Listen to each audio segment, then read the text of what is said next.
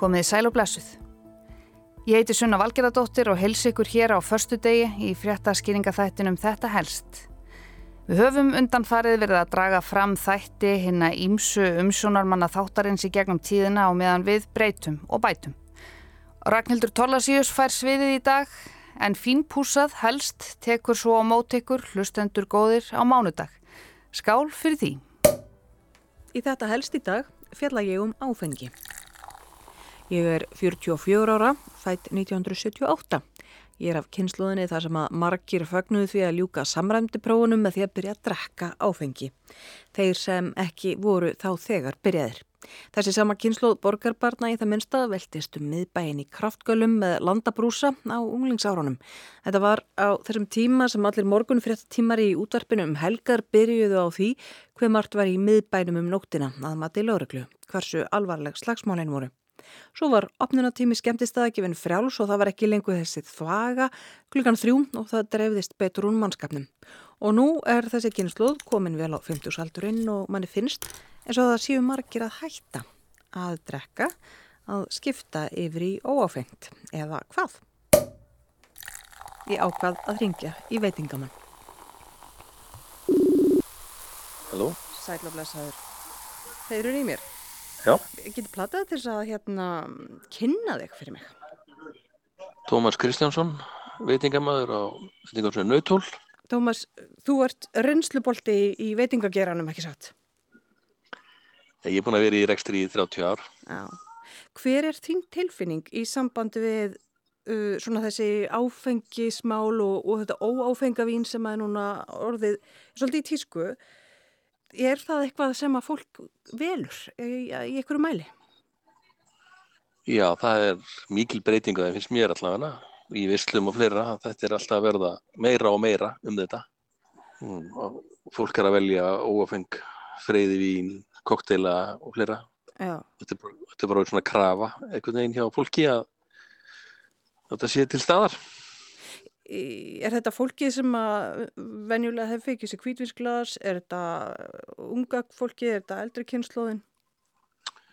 Já, bæði er þetta og þetta er líka, fólkið finnst þetta svona gaman í raun og veru að geta verið með eins glas og þeir sem er að drekka og með svipiðir áferð og, og lúki. Já. Þannig að fólkið, það er allir að taka saman, taka saman þátt í saman partíinu. Já. Og losna kannski líka við óþægilegu spurningur um af hverju þú ert ekki að fá þér í glas? Nákvæmlega, þetta er eins og með ofengu bjórana líka að þú veist, þú veist að maður að setja þetta í bara í bjórglas og mennur er með þetta þótt að menn sér að fá sér annar er með áfengan og henni með ofengan og þetta er orðið mjög algilt og mjög, mjög mikið um þetta. Saði Tómas Kristjánsson, veitingamæður á Nautóli, við heyrum meira í honum á eftir. En skoðum aðeins sölutölur átífaf er. Það er segja einhverja sögum neyslu áfengis en þó kannski aldrei alveg alla. Áfengis og tópaksverslun ríkisins hefur engaleifi til smásölu á áfengi en heilsalar meiga selja þeim sem að hafa vínvendingaleifi áfengi og þeir selja áfram til sinna viðskiptavinna og veitingastanum. Í fyrra dróst salan hjá áfengis og tópaksverslun ríkisins saman um rúmlega 2 miljónir lítra. Það voru seldar 24 miljónir lítra af áfengi í fyrra en 26 miljónir lítra árið þar á endan. Samdrátturinn er 8,4%.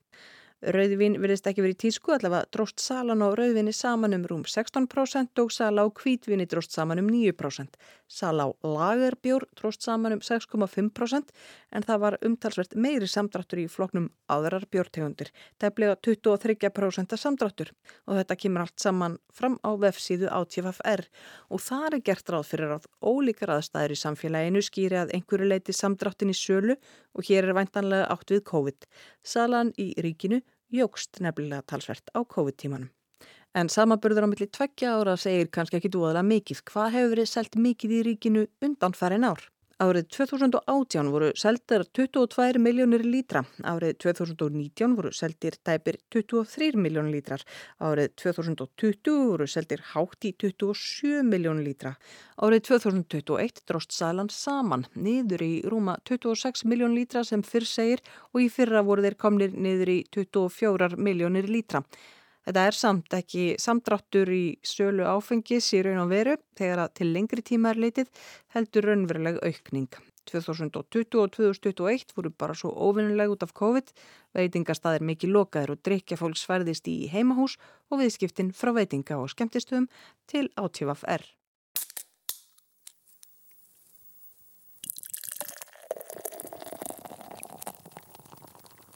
Embætti landlæknis vaktar áfengisnótkun og hefur gert frá 2014. Það gert þannig að gallúbleggur mánaðarlega könnun fyrir fullorðið fólk af landinu öllu. Þetta fólk er valið af handahófi úr viðhorfahópi gallúp og úr þjóðskrá. Svörin árið 2021 voru hátt í 11.000 og voru byrt á landlæknir.is. Árið 2021 drukku 83% fullorðina landsmanna að minnstakosti eitt glas af áfengum drikk samkvæmt niðurstöðunum sem fjallaðurum í talnabrunni landlæknis. Talnabrunnurinn er upplýsingarið þar sem fjallaðurum allskynns heilbreyðist tölfræði. 35% sögust drekka áfengi vikulega samkvæmt þessari könnun. Þetta er sama hlutfall og árið áður. Í þessum konunum eru notar þrjár spurningar til að metta skadalega áfengisneislu eða skadalegt neislu munstur, svo kallaða áhættu drikju. Og ég ætla að leifa mér að ummorða spurningarnar en það hljóða nokkur með einn svona. 1. Hversu oft á síðustu 12 mánuðum hefur þú drukkið að minnstakosti eitt glas sem í var áfengi? 2. Hversu oft á síðustu 12 mánuðum hefur þú drukkið að minnstakosti 5 glös sem í var áfengi? Og 3. Hversu margra áfengra drikja neytir þú að jafna því þegar þú drekkur áfengi? Síðan er skilgrendur mælikvarði sem að byggja á þessum spurningum, áhættustigur reiknað út frá því hversu oft er drukkið, fjölda drikja og hversu oft fólk drekkur sig fullt. Hvarðin er frá 0 og upp í 12 og karlar sem skora á bylinu 6-12 stig teljast hafa skadalegt neysluminstur en viðmiði fyrir konur er lægra 5-12 stig. Og samkvæmt skilgreiningunni er neysluminstur tæplega fjóruðungs Íslandinga skadalegt. 25% karla teljast stunda áhættu drikju og 20% hvenna. Þetta var niðurstaðan árið 2021 og hún var svipuð árið 2020 og þetta þýðir að samkvæmt útrekningum tölfræði fólksins hjá landlæknisambættinu eru um 30.000 karlar og 24.000 konur með skadalegt neysluminstur áfengis stundar sér satt áhættu hegðun í drikju.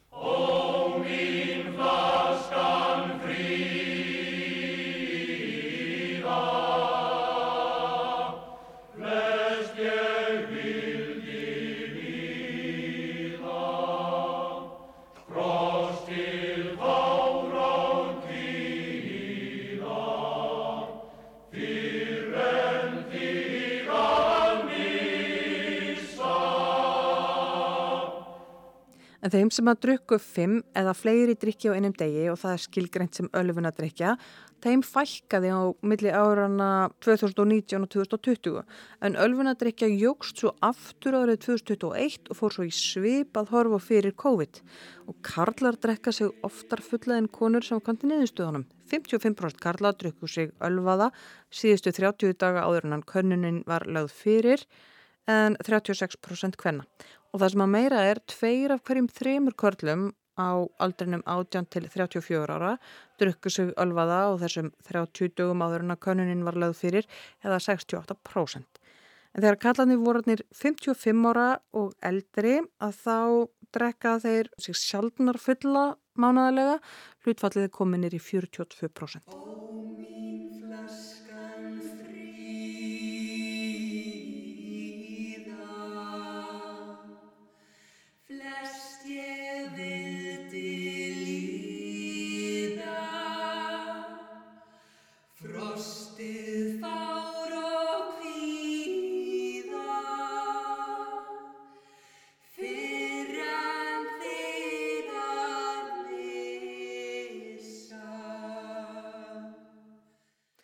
Konurnar drekka umtalsett minna að tæplega helmingur hvenna á aldrinum 18 til 34 ára drekkur sig fullan mánaðarlega en þegar þær eru orðnar 55 ára og eldri er hlutfalli komið niður í 27%.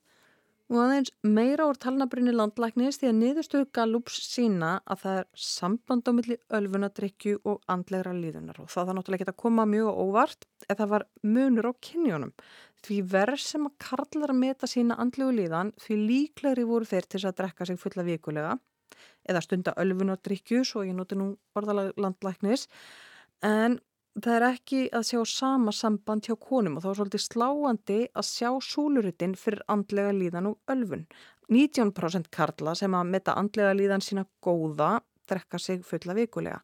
23% karla sem að metta andlega líða sína sæmilega drekka sig fulla vikulega en 32% karla sem að metta andlega líðan sína lélega drekka sig fulla vikulega. En það er alveg sama hvernig konur metta andlega líðan sína góða sæmilega eða lélega um það byl 8% þeirra stunda ölfunar drikju vikulega. Og Sigurður Ólafsson, meldingar og livralæknir, hann var að því viðtali við fréttastofu stöða tvö dögunum við aukinni áfengisnæslu þjóðarinnar vegna skorpulivrar og annara kvilla henni fylgjandi. Og hann sagði að tíðni skorpulivrar hefði aukist mjög mikið undan farin ár og hann í félagi við fleiri lækna hafi á árunum 2010 til 2015 rannsakað nýgengi skorpulifur. Á þessu tímabili 2010-2015, 30 einstaklingar ári, núna erum við að sjá í kringum 50, þannig að það er stöðug aukning og áframhaldandi. Sæði Sigurður Ólafsson, læknir, í viðtali við fréttastofu stöðu á 20 dögunum En hvað er skorpulifur? Grípum aðeins niður í vísindavefin sem segir okkur fyrst frá öllum mikilvægu störfum livrarinnar sem er stæsti kyrtill líkamanns og þessi störf eru vist um 500. Svo lýsir vísindavefurinn lögun og útliti livrarfrumna. Aðal atriðið er að þær geta endur nýja sig. En skorpulifur er lokastig á þrálatum livrasjúkdómi, segir í svari Þurriðar Þorbjarnadóttur á vísindavefnum og þessi sjúkdómur hann lýsi sér í því að í stað hilbreyðra livrafrumna myndast örvefur og í framhaldinu verður starfsemi livrarinnar léleg. Það vegna þess að örveifurinn hindrar blóðflæði til livrarfremnana og þær get ekki sint starfis hinn og endur nýjast. Og skorpulifur er ekki eftir að losna við, hún er óaftur kræf. Afleðingarnar eru alvarlegar, vökvið sapnast á hvið, æðar í meldingavegi ripna, það er nýrnabilun, ruggl og döðadá. En það er rétt að taka það fram að fólk getur fengið skorpulifur af öðrum ástæðum en áfengisneislu. Ástæðan geta verið livrabólka B.O.C., veirusíking, liv, erðasjúkdamar og stundum er alls ekkit vitað hvernig viðkomandi fjekk skorpulifur. Í Reykjavík síðdeis á dögunum var rætt við valgerði Rúnastóttur sem er fíknilegnir og forstjóri voks. Við erum að sjá samt svona aukningu í því að fólk er að koma með slæma stöðu á vegna aflengadrykkina eins og livrar skala, og, livra, og alvarleiri hérna, afleikari svo þið voru að ræða með skorpulifur sem er að loka stíðið á, þessum vanda sem áhengi veldur mm -hmm. í livriði. Já, um, þannig að það sko virðist vera, já, margir er að koma með sko, já, alls svona langt gengi vanda, ég getur sagt það þannig. Já. En auðvitað er góð fólk að koma upp til hópa frekar ung, það er ekki að koma á, hérna, en, en, en bara skaðin er komin í út fólk, skilur þetta fólk sem er fætt, já, með 80 eitthvað og 70 eitthvað, það er bara komin með skaða af drikju og er að koma í meðferð. Þetta var valgerður Rúnastóttur á Vogi en frá fíknilegninum sem sér skadan þegar hann er orðin og til veitingamannsins til 30 ára, Tómasar Kristjánssonar á nautóli.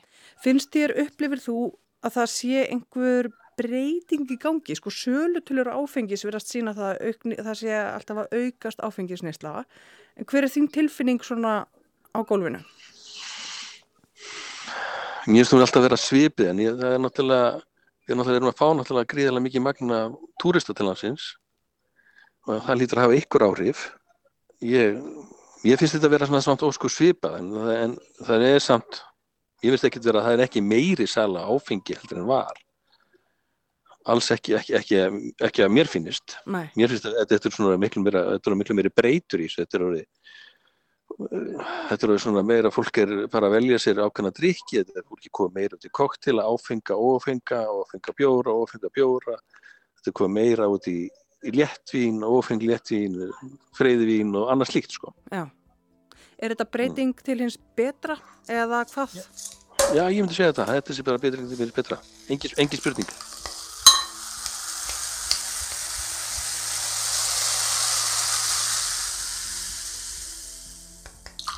Svo hljóðaði þetta helst þáttur Ragnhildar Tollasíus um óáfengu fullorðinstrikkina. Ég heiti Sunna Valgeradóttir og þakka samfélgina og hlustunina í dag sem og alla aðra daga. Ég hlakka til að taka mót ykkur á mánudaginn með brakandi, ferskan þátt. En þánga til skuliði eiga góða helgi og hafa ykkur eins vel og þið mögulega getið. Nægar eru nú vegarnar til þess. Heyrumst aftur á mánudag.